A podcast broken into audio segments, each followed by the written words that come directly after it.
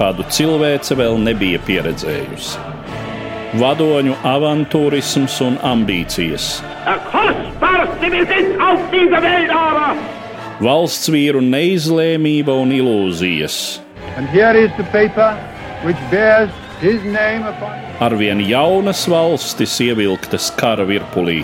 United States of America was suddenly and deliberately attacked nežēlīgi malti cilvēku un tautu likteņi.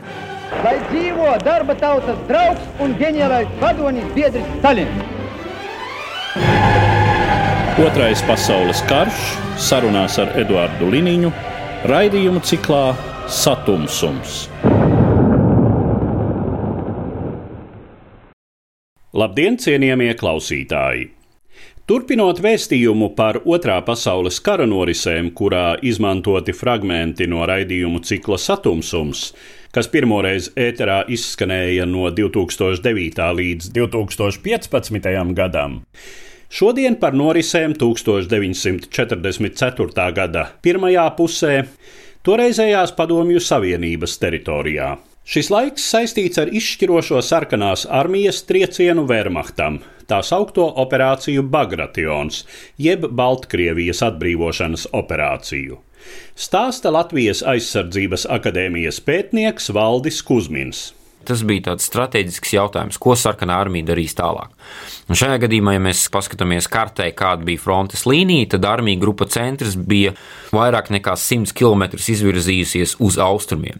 Savukārt armija grupas dienvidu sektorā frontes līnija atradās jau netālu no Ļuvovas. Tātad praktiski jau visa Ukraina bija sarkanās armijas rokās, un bija izveidojies tāds liels izvirzījums, balkons uz rietumiem, ko sauc par Ļuvovas balkonu, un bija tāda dilemma, kas bija Vācijas bruņoto spēku virspavēlniecības, ko darīs. Un viņam likās ļoti loģisks solis no Ļuvovas uzbrukt virzienā uz Varšavu, ziemeļrietumu virzienā, un pēc tam tālāk no Varšavas virzienā uz Kenigsbergu, Austrumprūsiju un nogriezt, uzveidot milzīgu katlu, kurā būtu gan armija grupa ziemeļi, gan armija grupa centrs izlūkošana arī to apliecināja, un netika ņemts vērā, ka šī pieeja varētu būt nedaudz pakāpeniskāka, strateģiski uzbrukumi tik un tā lieliem spēkiem, bet tomēr tiktu veiktu koordinēt uzbrukums pret Somiju, Karēlijā, pēc tam uzbrukums armijas grupas centra virzienā, pēc tam uzbrukums armijas grupas ziemeļu virzienā, pēc tam atkal uzbrukums armijas grupas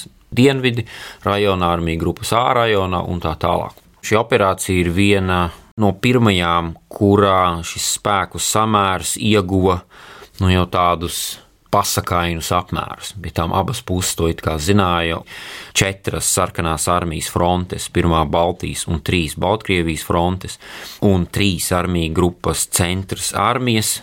Samērs bija sekojošs 1 200 tūkstoši sarkanās armijas karavīru pret apmēram 335 tūkstošiem Vācijas bruņoto spēku karavīru. Tas spēku samērs ir viens pret 3,7.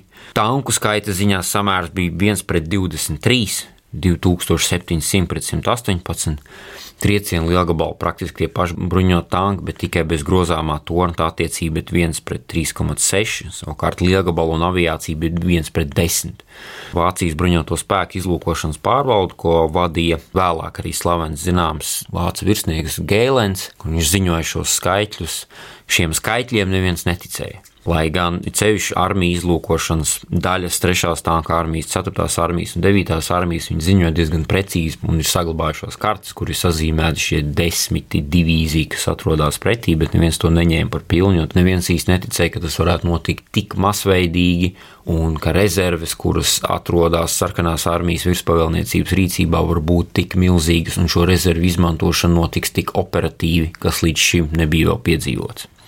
Šajā gadījumā bija sarkanās armijas prasme šo spēku samēru izmantot. Viņiem beidzot bija iespēja, bija šie vairāk talantīgie komandieri nekā iepriekš, un galvenais, kas bija izmantot šo pirmo dienu taktisko panākumu, pēc tam jau izmantot operatīvā un vēlāk jau strateģiskā līmenī tika iesaistīts tanku armijas, nevis vienkārši kājnieku pirmo ierakumu iznīcināšanā, bet ar 400-500 tankiem jau tika iesaistīts operatīvā plašumā, kur viņi var izmantot to, ka nav rezervi un vienkārši kā ņemt tā braukt. Tas ir arī galvenais iemesls, kāpēc kara darbība tik ātri nonāca Latvijas teritorijā. Pirmā Baltijas fronte, ko komandēja Bagram Jans, jau pirmajās nedēļās iegūta apmēram 50 km platu joslu, kur vispār neviena Vācijas bruņoto spēku karavīra nebija.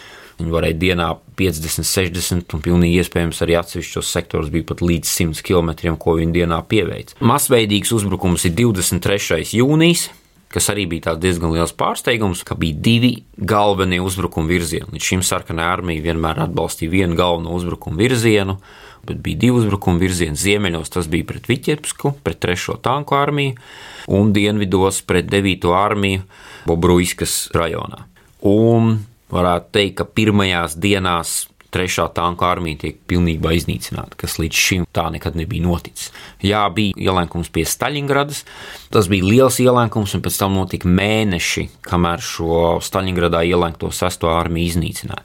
Šajā gadījumā ielēktās armijas disintegrējās burtiski nedēļu laikā. Bitepskas cietoksnis, kas pirms tam bija turējies trīs mēnešus pret ļoti intensīviem uzbrukumiem ziemas laikā, praktiski sabruka pāris dienās. Kopumā visu uzbrukumu laikā tika sagrauts 28 vācu divīzijas, un vēl kas ir ļoti būtiska lieta.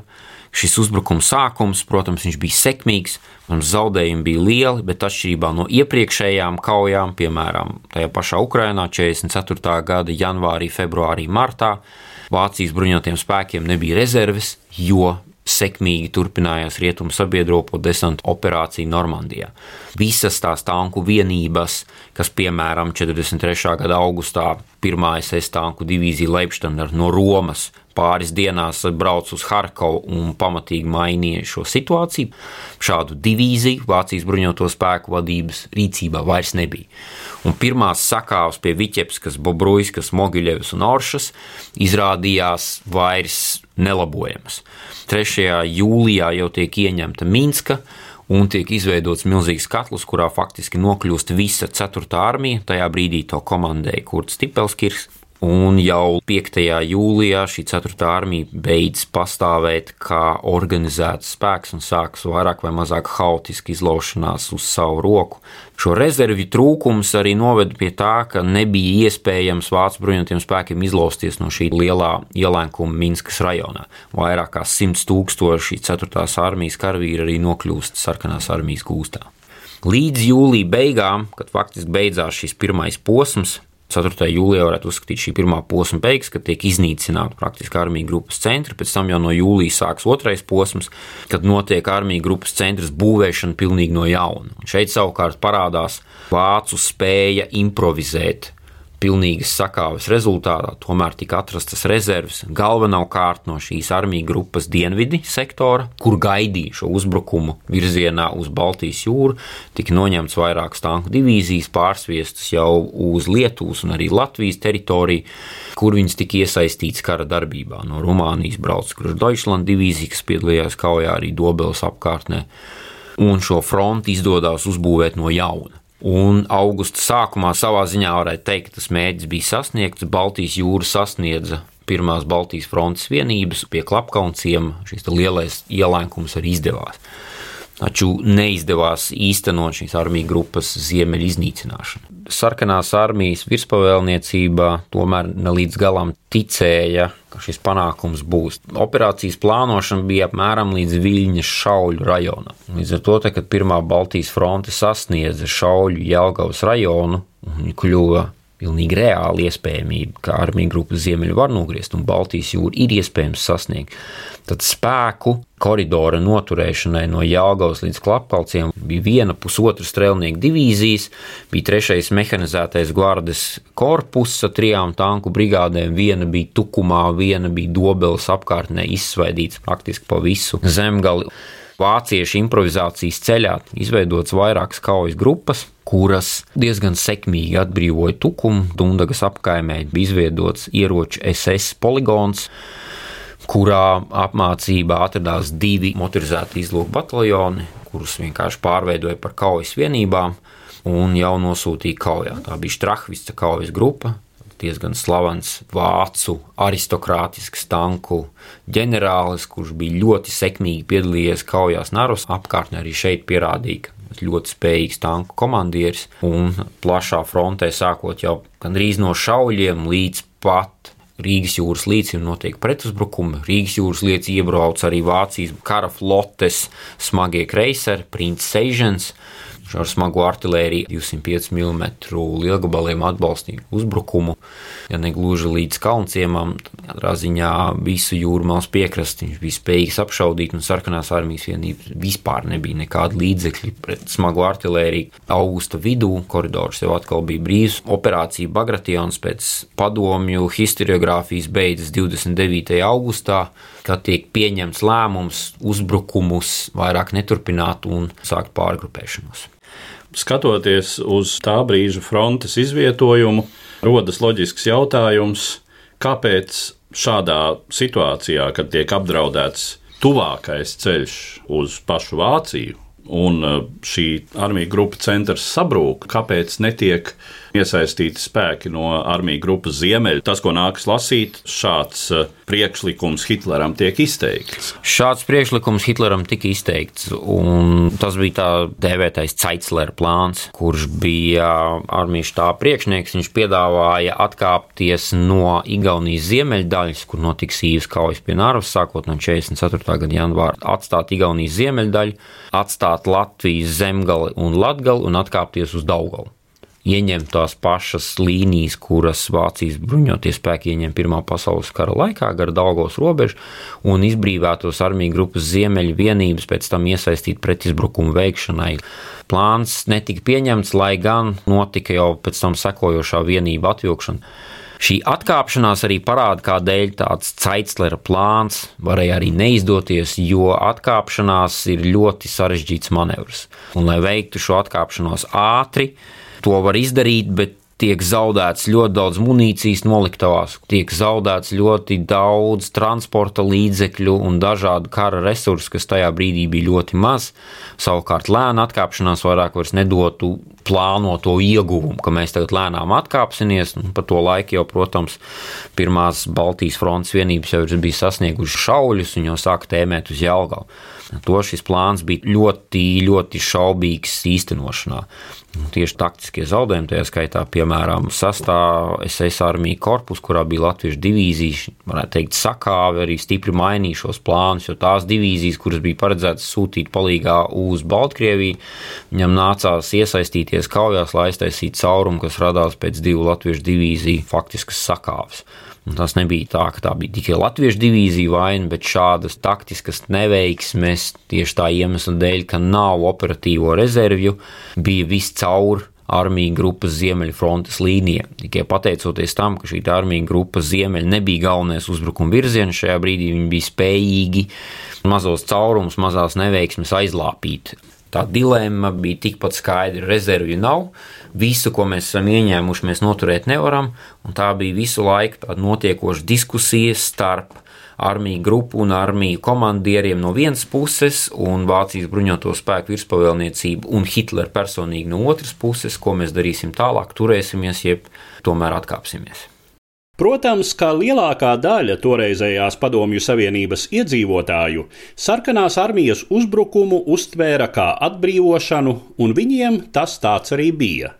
Taču vairākām tautām un etniskajām grupām tieši šis laiks atvēra jaunu, traģisku lapusi, kas daudzos gadījumos tām laupīja viņu vēsturisko dzimteni un neatgriezeniski aizlauza to eksistenci. Runa ir par staļiniskā režīma veiktajām totālajām vairāku tautu deportācijām 1944. gada ziemā un pavasarī.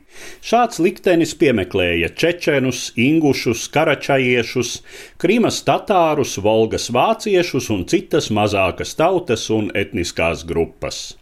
Stāsta Rīgas Stradiņa Universitātes asociētā profesore Daina Blējere. Deportācijas, kas notika Otrā pasaules kara laikā, iezīmējās ar to, ka šeit pirmo reizi tika pielietots tāds princips, ka tika deportēta visa attiecīgā etniskā grupa vai tauta neatkarīgi no viņu lojalitātes, no vecuma, no politiskās pārliecības un visa pārējā. Tātad visi, ieskaitot partijas biedrus, komunistus, republikas vadību un tam līdzīgi. Taču, protams, dažāda veida deportācijas nesākās tikai ar Otro pasaules karu. Tā bija jau prakse, kas bija Padomju Savienībā labi iestrādājusies. Faktiski varētu runāt par 1919. gadu jau, kad sākās šīs deportācijas. Teiksim, Kazaku pārvietošana, 20. gadu beigās, 30. gadu sākumā kulaku deportācijas, tātad pēc šķiriskās, nevis pēc etniskās pazīmes. Etniskās deportācijas varbūt pazīstamākās pirms otrā pasaules kara, tas ir pierobežas rajonu attīrīšana no iedzīvotājiem, kuru tautas brāļi dzīvo otrpus robežai, piemēram, korejieši, poļi, vācieši no Ļeņingradas un Somi un tam līdzīgi.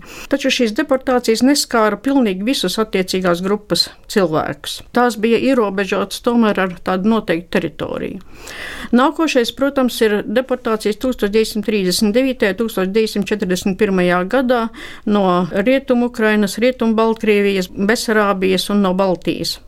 Šīs deportācijas arī bija tās, ko Krievu pētnieks Pāvils Poļans sauc par izvēles deportācijām, jo tika deportēti ne visi attiecīgās etniskās grupas cilvēki un ne obligāti tikai noteiktās etniskās grupas pārstāvji, bet cilvēki tika pēc citām pazīmēm, pēc sociālajām, pēc mantiskā un tam līdzīgi. Otrā pasaules kara laikā tieši sākoties PSRS Vācijas karam, šīs deportācijas iegūst tieši etnisku raksturu. Un atsaucoties atkal uz Pāvelu Poļanu, jāsaka, ka viņš klasificē šīs deportācijas trīs grupās. Pirmā grupa ir 1941. un 1942. gadā tā saucamās totālās preventīvās deportācijas. Totālās tāpēc, ka visi attiecīgās tautas pārstāvji tika izsūtīti, un preventīvās tāpēc, ka tika izsūtīti tie, kas potenciāli it kā varēja būt bīstami. Tātad vācieši, Pievilgas vācieši pirmkārt likvidēt arī pievilgas vācu autonomiju bet arī vācieši no citām kolonijām, Dienvidkrievijā un Krimā. Vispār vāciešu kolonisti, kas dzīvoja Padomu Savienības Eiropas daļā, viņi bija krietni pāri par miljonu. Daļēji krimas tatāri, starp citu, bet daļēji tikai. Arī Somi no Ļeņingradas un Ļeņingradas apgabala, un nezinu, kāpēc arī Grieķi no Krimas un no arī Dienvidkrievijas rajoniem. Grūti saprast, kādēļ, jo Grieķija nekaroja ar Padomu Savienību. Otrais vilnis ir 1943. un 1944. gads, un tās ir tā saucamās totālās atriebības deportācijas. Visa tauta tika izsūtīta, un tai tika uzlikta kolektīvā vaina par to, ka visa šī tauta ir sadarbojusies masveidā ar vāciešiem, ar ienaidnieku. Un tas attiecās tātad uz karačajeviešiem, uz čečeniem, ingušiem, balkāriem, krimas tatāriem. Un pēc tam vēlāk, jau arī 1944. gadā, notika vairākas deportācijas, kur pat grūti saprast, kāda bija motivācija, ja nerunā par kaut kādām senākām etniskām pretrunām vai kaut kādiem ģeostrateģiskiem apsvērumiem. Tas ir Gruzijas un Turcijas robežas attīrīšana, piemēram, no Meskatijas turkiem, no Hemšiem Hemšiliem, kurdiem un dažu citu etnos pārstāvjiem, no musulmaņiem, kas dzīvoja Gruzijas un Turcijas robežas tūmā, kā arī atkal etniskās deportācijas no Krimas, teiksim, armēņi, atkal grieķi, kas vēl nebija deportēti un tam līdzīgi. Kopš 30. gadu vidus pamazām notiek tādas zināmas pārmaiņas Staļina politikā. Ja līdz tam varētu teikt tā galvenā cementējošā ideja, kas bija Padomju Savienībā, bija šis proletāriskais internacionālisms, ticība vispasaules revolūcijai, kur agri vai vēl notiks. Tātad ienaidnieki bija pirmkārtām naidīgās vai šķietami naidīgās šķiras.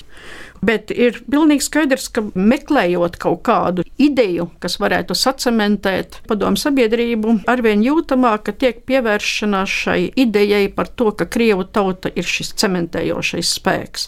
Un kā padomu tautas veidošanu, asimilējot krievu valodā, kultūrā un tam līdzīgi, ka tas ir galvenais instruments, ar kuru var panākt etnisko viendabību lielāku un arī kaut kādā ziņā nomierināt šos cilvēku prātus un padarīt viņus uzticīgākus padomi varai. Un kara laikā, protams, šī ideja par krievu tautu kā vecāko brāli kuru atbalsta jaunākie brāļi, Ukraiņi un Baltkrievi, un tad ir vēl tādi vēl jaunākie brāļi un mazie brāļi. Šī ideja jau visai izteikti noformējās. Tā parādās arī vairākās Staļina runās. Mēs zinām arī, kad Hitlera armija okupēja Padomu Savienības teritoriju, ļoti daudz sadarbojās arī Baltkrievi, Krievi, Ukraiņi un tam līdzīgi. Ļoti daudziem bija pretenzijas pret padomju varu, kas bija saistīts pirmkārt ar kolektivizāciju, ar represiju politiku un tam līdzīgi. Kaukāzā un ar tiem pašiem čečeniem un ingušiem, arī karačajeviešiem. Patiešām tuvojoties Vācu armijai, viņiem atkal atzima cerības, ka viņi varēs atgūt brīvību. Jāatcerās tas, ka Kaukāza pacifikācija beidzās tikai 1864. gadā, un Čečenijas pacifikācija beidzās 1859. gadā. Respektīvi, nebija pagājuši vēl pat simts gadi. Cilvēki ļoti labi atcerējās to. Arī 20 padomju varas gados Čečenu lojalitāte padomju varai nu, bija diezgan nosacīta. Tuvojoties Vācu armijai, radās dažādas sacelšanās kustības, partizānu kustības, tika iefiltrēti Vācu aģenti šajās Ziemeļkaukāza republikās, taču runāt par to, ka visi iedzīvotāji bija vainīgi, un tā ir versija, ko tagad izvirza tie, kas aizstāv šīs Staļina deportācijas, ka apmēram šīs tautas pašas bija vainīgas. Ir aprēķināts, ka pēc NKV datiem partizānu kustībā 41. un 42. gadā Čečenijā bija iesaistīti apmēram 4000 cilvēku kas ir apmēram 0,5% no šīs republikas iedzīvotājiem. Uzlikt vainu visiem, tas jau pats par sevi faktiski ir noziegums pret cilvēcību. Un nerunāsim arī nemaz par tām metodēm, kas tika izmantotas šajās deportācijās, par deportēto likteni tajās vietās, uz kurien viņas aizveda. Faktiski savā ziņā tas bija veids, kā risināt šīs nacionālās politikas problēmas. Vismaz Staļinam un drošībniekiem tolaik šķita, ka tas ir vieglākais veids, kā atrisināt šīs līdz galam neatrisinātās Ziemeļkaukās nomierināšanas problēmas. Iniciatīva, acīm redzot, izteikti nāca no drošības orgāniem. Tā iemesla dēļ, ka viņi nespēja tikt galā kara apstākļos ar šo partizānu kustību. Šie kara laimēji pavēršoties uz otru pusi, arī Čečenu sabiedrībā šīs cerības tomēr kļuva arvien mazākas. Ļoti daudzi partizāni padevās NKVD, un šī kustība bija daudz mazskaitlīgāka. Tajā pašā laikā šī partizāna kustība bija kalnos, un to bija diezgan grūti apkarot. Čečenu un Ingušu deportācija sākās 23. februārī, ilga līdz 2. martam, dažos kalnu aulos pat vēlāk. Problēma, protams, tā, ka tā bija ziema, un kalnos bija ārkārtīgi dziļš sniegs, un daudziem kalnu auliem bija vispār ļoti grūti piekļūt klāt.